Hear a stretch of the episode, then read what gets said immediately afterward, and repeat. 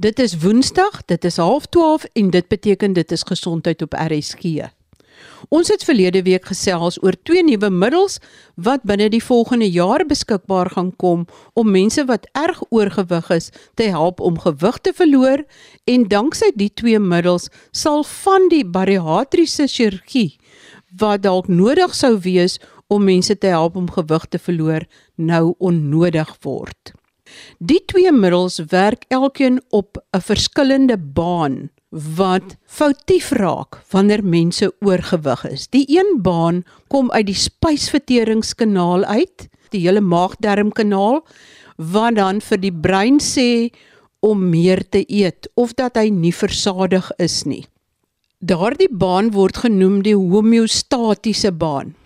Die tweede baan kom uit 'n verkeerde deel van die brein uit wat die regte deel van die brein oorheers om die verkeerde seine na die hypothalamus te stuur. Dit word genoem die mesolimbiese stelsel of die hedonistiese baan omdat mens eet al het jy dit nie nodig nie. En dit het eintlik niks met werklike honger te doen nie. My gas vandag is professor Tes van der Merwe, internasionaal bekende endokrinoloog en een van die groot kenners op die gebied van die mens se metabolisme. Sy vertel dan meer in vandag se gesprek oor die fisiologie van oorgewig. Daardie dinge wat fisiologies verkeerd loop wanneer 'n mens oorgewig is en hoekom dit so moeilik is om gewig te verloor. Met ander woorde die glip plus die jip gaan werk in die maag, gaan dit jou gouer versadig laat voel of wat gaan dit doen? Dit het verskeie aksies Marie en dit raak so half en half van 'n ander onderwerp en dit is die hele konsep van wat ons noem homeostatiese eetpatrone. Dit is letterlik twee peptiede wat deur die maag afgeskei word wat 'n direkte terugsyn is na die hypothalamus. Die hypothalamus is daai klein kliertjie wat daar in jou brein gesetel is wat eintlik maar jou setpunt bepaal van waar jou gewig gaan lê. En ek dink daar's baie verwarring onder die publiek. Hulle raak te mekaar tussen homeostatiese hedonistiese patrone en dan wat ek noem makro voedselverspreiding. Met ander woorde, hierdie konsepte van hoë vet, lae vet, hoë proteïen, lae proteïen. Dit is 'n totale op sy eie departement. Met ander woorde, dit kom in die liggaam en hoe die liggaam dit gaan hanteer, het bitter min te doen met waar jou setpunt in die brein geleë is. Nou waar jou setpunt in die brein geleë is vir jou spesifieke liggaamsgewig is kompleks. Dit word beïnvloed deur beide genetiese en omstandigheids uh, gedrewe faktore. Maar wat baie belangrik is, is is dat jou hypothalamus sal altyd jou vorige hoogste gewig stoor molekulêr tot op 'n half kilo en dit intens verdedig en dit is hoekom mense so verskriklik sukkel om hulle gewig af te hou want sodra jy so by die 5% gewigsverliespunt verbygaan dan het die hypothalamus die vermoë om deur die simpatiese en die parasimpatiese kettinge wat uitgaan na die liggaam jou metabolisme te vertraag en baie spesifiek jou aptythormone te begin opdruk. So ons praat van 'n kataboliese en 'n anaboliese baan. Katabolies beteken dit laat jou ophou eet en anabolies beteken dit laat jou eet. Nou vir al twee daai twee bane is daar baie spesifieke peptiedsyne wat uitgestuur word deur beide die maag-darmkanaal, die pankreas en die lewer met anderwoorde alles wat van die periferie af inkom kom in as een gesamentlike sein. Dit word na die brein toe gestuur. Binne in die brein is daar twee besliste bane.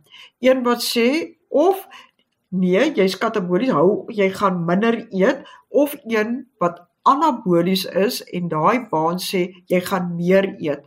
Dit is twee totale aparte bane jou liggaam setpunt is wat dit is. En jy gaan beklei teen daai liggaamsetpunt en dit is so dat daar 'n verskeidenheid van faktore of dit nou medikasie is of vorige anoreksia of oorgewig uh, of psigiatriese medikasie of ADHD medikasie is, dit kan daai setpunt beïnvloed. Hier is jou blouprint. Dit is wat jy by pa en ma geërf het. Dit kan ons onder geen omstandighede verander nie. Dit is wat dit is. Elke liewe een van daai gene kodeer vir 'n funksie in die liggaam waarvan party van daai funksies metabooliese funksies is. En dit kan wees dat in daai proses van kodering vir daai spesifieke funksie kan jy omgewingsfaktore hê wat inkom en die koderingsproses beïnvloed. Jy sal weet dikwels sal mense sê hulle was nie oorgewig in wêreldoorlog 2 nie. Sê wie? Daar was dalk mense wat nog steeds mollig was. Ons kan nie daai hoe sê die Engelsman sweeping statement maak nie. Ons weet nie werklik nie want daar is nie werklik data daaroor nie. Maar jou genetika gaan jou blouprint wees en hoe die omgewing dit gaan verander gaan wees in die kodering van die funksie wat die hypothalamus dan uitstuur. En dit kan 'n progressiewe proses wees. Met ander woorde, dit begin verkeerd gaan en dan hou dit net aan om verder en verder deur die omgewing beïnvloed te word of middels wat gebruik word en so aan. En dit is 'n uiters frustrerende proses vir die pasiënte want daar's van die pasiënte wat vir my meer kan vertel oor elke dieet in die boek as wat ek vir hulle kan vertel en tog het hulle nie sukses nie. En dit is suiwer omdat daai hypothalamus ons is geneties ontwerp om daai setpunt te verdedig want daar was 'n tyd uh, 100 of 200 jaar terug toe daar nog hongersnood was en ons nog die vyand letterlik fisies moes beklei en swangerskappe moes deurstaan in moeilike tye waar dit in ons beste belang was om 'n genetika te hê wat jou programmeer op 'n manier wat jou gaan beskerm. Nou die interessante ding in die liggaam is ons het eintlik net twee peptidhormone in die hypothalamus wat ons dryf om te eet. Maar daar is 10 wat eintlik dryf om op te hou eet. Nou iewers langs die pad het daai twee peptiede wat ons dryf om te eet dominansie gekry. En daar is verskeie redes daarvoor en dit het oor 'n lang tydperk hier dit ontwikkel, maar hulle het dominansie. En die die reaksie van die liggaam is baie eenvoudig. Sodra die hypothalamus wat jou klein hub is, dis jou klein komputer, voel hy kom onder enige vorm van bedreiging van gewigsverlies, dan gaan hy jou outomaties dryf om te begin eet. En Die setpunt is 'n bietjie anderste vir almal, maar dis so tussen 5 en 10%. So daar lê jou swakheid wat ons het in die menslike liggaam soos wat hy geëvolusioneer het oor die laaste 100 of 200 jaar. So al wat ons nou kan doen is om 'n metode te vind om dit te vnyk. Met ander woorde, ons moet in 'n posisie kan inkom waar ons vir die hypothalamus kan eksogeen boodskappe stuur om te sê Nee, maar hier is die die regte sein wat eintlik moet inkom. En ek weet dat die pasiënte wil so graag hê dit moet 'n pilletjie wees. Op hierdie stadium is al hierdie medikasies nog inspuiting. Dit is baie goed van die farmaseutiese industrie dat hulle dit in 'n draer molekuule gesit het wat dit een keer 'n week inspuiting, subkutane inspuiting maak want dit maak dit meer gemaklik.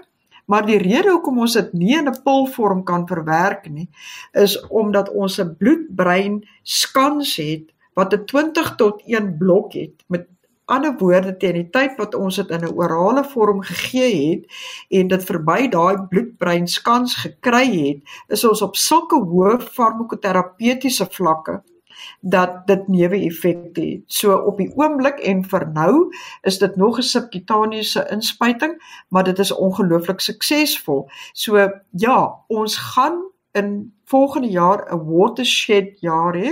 Daar gaan molekules in die mark kom wat vir mense 20 en selfs meer pasiënt suksesvolle gewigsverlies kan gee mits die pasiënt besef hulle sal dit lanktermyn moet volhou. Met ander woorde, jy sal omdat jy gewig verloor, sal jy waarskynlik ook gesonder begin eet en dalk bietjie meer voel om oefening te doen wat alles kan help sodat jy dan nie weer gewig optel nie.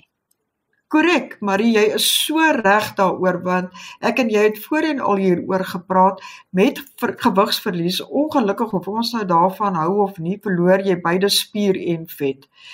Nou die spier wat jy verloor, moet jy op 'n manier probeer terugherwin want dit is jou spiermassa wat jou basale metabooliese spoed sal bepaal. En dit is wat sal bepaal of daai kaloriegaping wat jy kan skep genoegsaam gaan wees. So onder geen omstandighede moet ons die houding inneem dat jy nie kan gaan oefen jy moet gaan begin oefen want hoe gaan jy daai spiermassa terugkry in jou pool in sodat jy jou basale metabooliese spoed wat dikwels vertraag het tot 1000 1200 'n dag hoe gaan jy dit herstel? Want onthou hoe jonger jy is en hoe minder van hierdie dieet siklusse jy deur is hoe hoër is jou metabooliese spoed. En dit is baie maklik om dan op 'n dieet te gaan waar jy 'n kalorie onttrekking kan kry van van maklik 800 kalorieë 'n dag en voor jy weet is die eerste klomp kilogramme af. Maar as jy sit met 'n basale metabooliese spoed van 1200, wat moet ek dan vir die pasiënt sê? Jy moet nou lewe op 1000 kalorieë 'n dag, nie om om gewig te verloor nie, net om te bly waar jy is. En wat gaan dit dan weer doen aan jou hipotalamiese senter? Want onmiddellik gaan die hipotalamus dit begin interpreteer as 'n vorm van onttrekking van kalorieë, 'n bedreiging. En al wat gaan gebeur is jou basale metabooliese spoed gaan net nog verder afsak. My gas vandag is professor Tes van der Merwe, endokrinoloog van Pretoria en 'n kenner op die gebied van die metabolisme van die mens. En ons gesels oor die fisiologie van oorgewig. Ons gaan in hierdie deel fokus op die mesolimbiese stelsel in die brein. Daardie syne in die brein wat van die verkeerde deel afkom en die goeie syne begin oorheers. Goed, maar die, nou daar's een van my gunsteling onderwerpe want nou begin ons kyk na die onderwerp van hedoniese eetpatrone. Ek dink dat jy kry wat ons noem homeostatiese eetpatrone of kom ons noem dit liewer fisiologie. Ek dink dit is 'n meer toepaslike term. So met ander woorde, ons het al uitgewerk nou deur al die jare dat dit is hoe die sirkel hardloop. Daar gaan die molekule, hy gaan hier af na daai orgaan toe, na daai draerstelsel toe en terug na die brein toe. En ons weet hoe dit werk in die hypothalamus. Ons weet dit gaan deur die arcuate nucleus en hy is jou tipe van jou wag. En van daar af is dit 'n komplekse stel van integrasies. Maar dan het jy ook 'n tweede vorm van eetpatrone wat ons noem die hedoniese eetpatroon. Nou jou hedoniese eetpatroon is 'n moeilike kaland want hy word op 'n baie vroeë ouderdom al gevestig uh daar was werk gedoen in Denemarke waar hulle gewys het jy het drie kritiese tydperke in jou lewe. 6 maande tussen 6 en 7 jaar ouderdom en tussen 10 en 14 jaar ouderdom. Nou waar is jou mesolimbiese stelsel gesetel in die agterbrein. Dit lê in die agterbrein en dit het te doen met hoe verwerk jy stres? En dit is interessant dat hulle dit al beskryf het in 6 maande oue babas. En elke mens in hierdie lewe het wat ek noem 'n stress coping meganisme. En jy het 'n dopaminerge pad wat hardloop in jou klein brein. Nou daai klein brein se insette na die hypothalamus is byvoorbeeld baie sterker as wat die frontale kwap se insette is. En dit is hoekom ons sê wilskrag is nie werklik 'n deel van hierdie probleem nie. Die prefrontale kwap het dalk 'n inset, maar jou sterkste insette kom eintlik van die agterbrein af. Nou, wat bedoel ons as ons sê dopaminerge bane? Dit is waar gewoontevorming gesetel is. En hulle het al baie duidelik gewys in fantastiese studies wat hulle gedoen het in in die laboratoriums dat jy hoef daai baan van hoe jy gaan reageer op 'n sekere situasie of 'n middel uh, soos byvoorbeeld jou ADHD middels of 'n baie stresvolle tydperk in jou lewe gaan bepaal word deur 'n baan wat outomatiseer binne die derde of die vierde keer wat dit herhaal word. So kom ons veronderstel jy is 10 jaar oud en jou moeder sterf of jy is in 'n onbenydenswaardige situasie waar jy dalk 'n finansiële krisis het en jy leer of jou ma leer vir jou, ag moenie bekommer nie, hier's vir jou nog 'n suigstokkie. Dan gaan jy die volgende keer gaan jy daai patroon herhaal, maar binne 'n paar herhalings gaan jy nie meer nodig hê dat die agterbrein vir jou sê hoe om daai stres te hanteer nie. Dit gaan outomaties gebeur.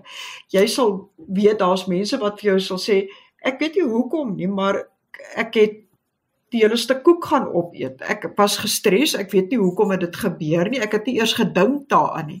Ek het reguit na die yskas toe geloop. Daar was geen kognitiewe met ander woorde beplannings insette van my kant af nie. Ek het net eenvoudig na die vrieskas toe geloop. Ek het die sjokoladekoek gaan uithaal en ek het die ding begin eet van voor tot agter en dit was die einde van dit. Nou daai is wat ons noem die mesolimbiese stelsel en dit word gedreig deur dopaminerge syne. Nou natuurlik uiteraard is dit 'n baie belangrike deel van hoe ons oorgewig in die toekoms gaan hanteer want baie van ons pasiënte het ook 'n mesolimbiese hedoniese eetpatroon. Dit is gefestig in hulle as gevolg van verskeie episodes van trauma, hartseer, depressie, angstigheid verlies van 'n geliefde ensovoorts. En dis 'n moeilike gewoonte om te breek, Marie. Dit is iets wat ons wel met angsmedisyne en depressante kan beheer, maar aan die einde van die dag soos die Engelsman sê, it's a double-edged sword, want baie van daai medikasies kan ook jou of jou aptyt totaal onderdruk of dit totaal aanwakker. En myns insiens is dit nie 'n toevalligheid dat baie van jou serotonien reseptore direk langs die hipotalamus se eetsenter geleë is nie. Hulle is eintlik maar as ons wil deel van dieselfde pakket. So dit is 'n komplekse veld waar jy moet begin besef jy het te doen met twee totale verskillende patofisiologie. Jy het een wat jou homeostatiese eetpatroon gaan dryf. Met ander woorde, jy eet te veel, jy eet verby jou eie versadigingspunt, dinge werk nie meer nie, dinge het verkeerd gegaan. En dan het jy 'n mesolimbiese dopaminerge pad wat kom van die agterbrein af van die klein brein af wat sy eie insette na die hypothalamus toe gaan maar op 'n totale ander meganisme werk wat niks te doen het met jou perifere insette van die maag-darmkanaal nie. Dit is verskriklik interessant dat jou liggaam so kan verander en ander paaie kan volg. Maar wat is hierdie molekuule wat dan gaan inwerk op die mesolimbiese stelsel en wat gaan hy doen daaraan? Dit sal waarskynlik 'n dopaminerge uh, antagonis wees. So ek kan nie veel meer oor die molekuule sê nie, maar met ander woorde wat dieselfde wat ons probeer doen dit met die syne wat uitkom uit die maag darmkanaal die chip en die glip ons het hulle nou gevat ons het hulle nageboots uiteindelik farmakologies.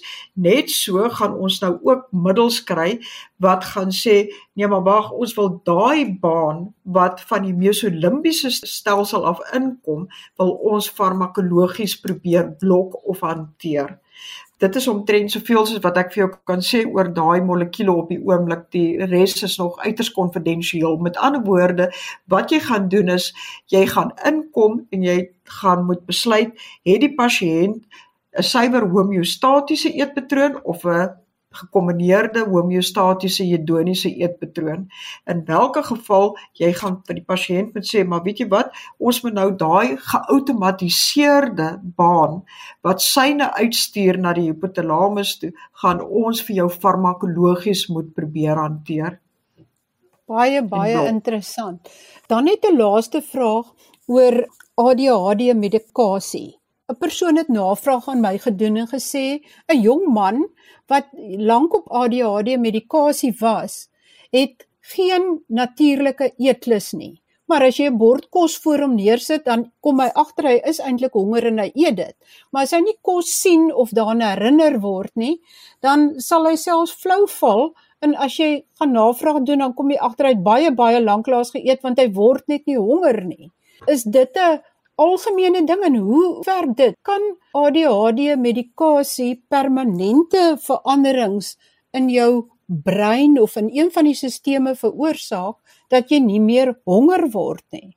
Dis 'n absolute klassieke vraag, Marie, wat jy beskryf is natuurlik een van die uiterste gevalle, maar ja, die antwoord daar is sonder enige twyfel, want wat gebeur het oor 'n baie lang tydperk van gebruik en dit was van 'n baie klein tyd af gebruik, is dit wel by ons bekend dat daai ADHD middels die die kataboliese baan in beide die homeostatiese en die hedoniese bane gaan beïnvloed oor 'n lang tydperk. So hulle is geautomatiseer.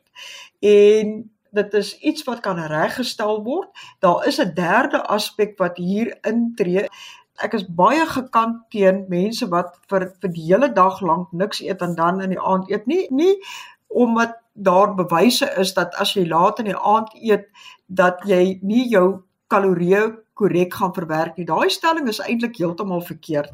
Wat wel gebeur is, jy bou ook ketone op deur die dag. En daai ketone skakel beide jou homeostatiese en hedoniese eetproses af. Dan natuurlik met 'n mens net baie versigtig wees want daar is baie ander siekteprosesse wat ook uh, 'n tipe van 'n katabolisme kan veroorsaak. So my raad aan so 'n persoon is is jy moet by 'n baie gespesialiseerde persoon uitkom om seker te maak dat daar nie 'n ander onderliggende probleem is nie. Maar jy is 100% reg, Marie. Dit is 'n uiterste geval. Ons sien dit nie dikwels nie tot daai graad nie. Ons sien dikwels dat dit wel aptyd onderdruk.